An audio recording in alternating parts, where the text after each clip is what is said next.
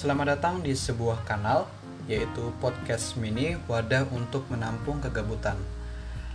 Hmm, jadi podcast ini aku nggak tahu tema besarnya ini tentang apa. Terserah aku mau bahas apa nantinya di sini. Yang pasti seputar topik politik, sosial dan hal-hal remeh yang ada di sekitar kita yang patut untuk dibicarakan. Sebagai pengingat, sebelum masuk ke topik, podcast ini hanya dibuat saat aku gabut. Sekali lagi, saat aku gabut doang, ya kalau aku nggak gabut, ya nggak akan aku buat. Tapi kalian bisa nilai sendiri, semakin banyak aku upload podcast ini di Instagram, berarti gabutku udah tingkat dewa.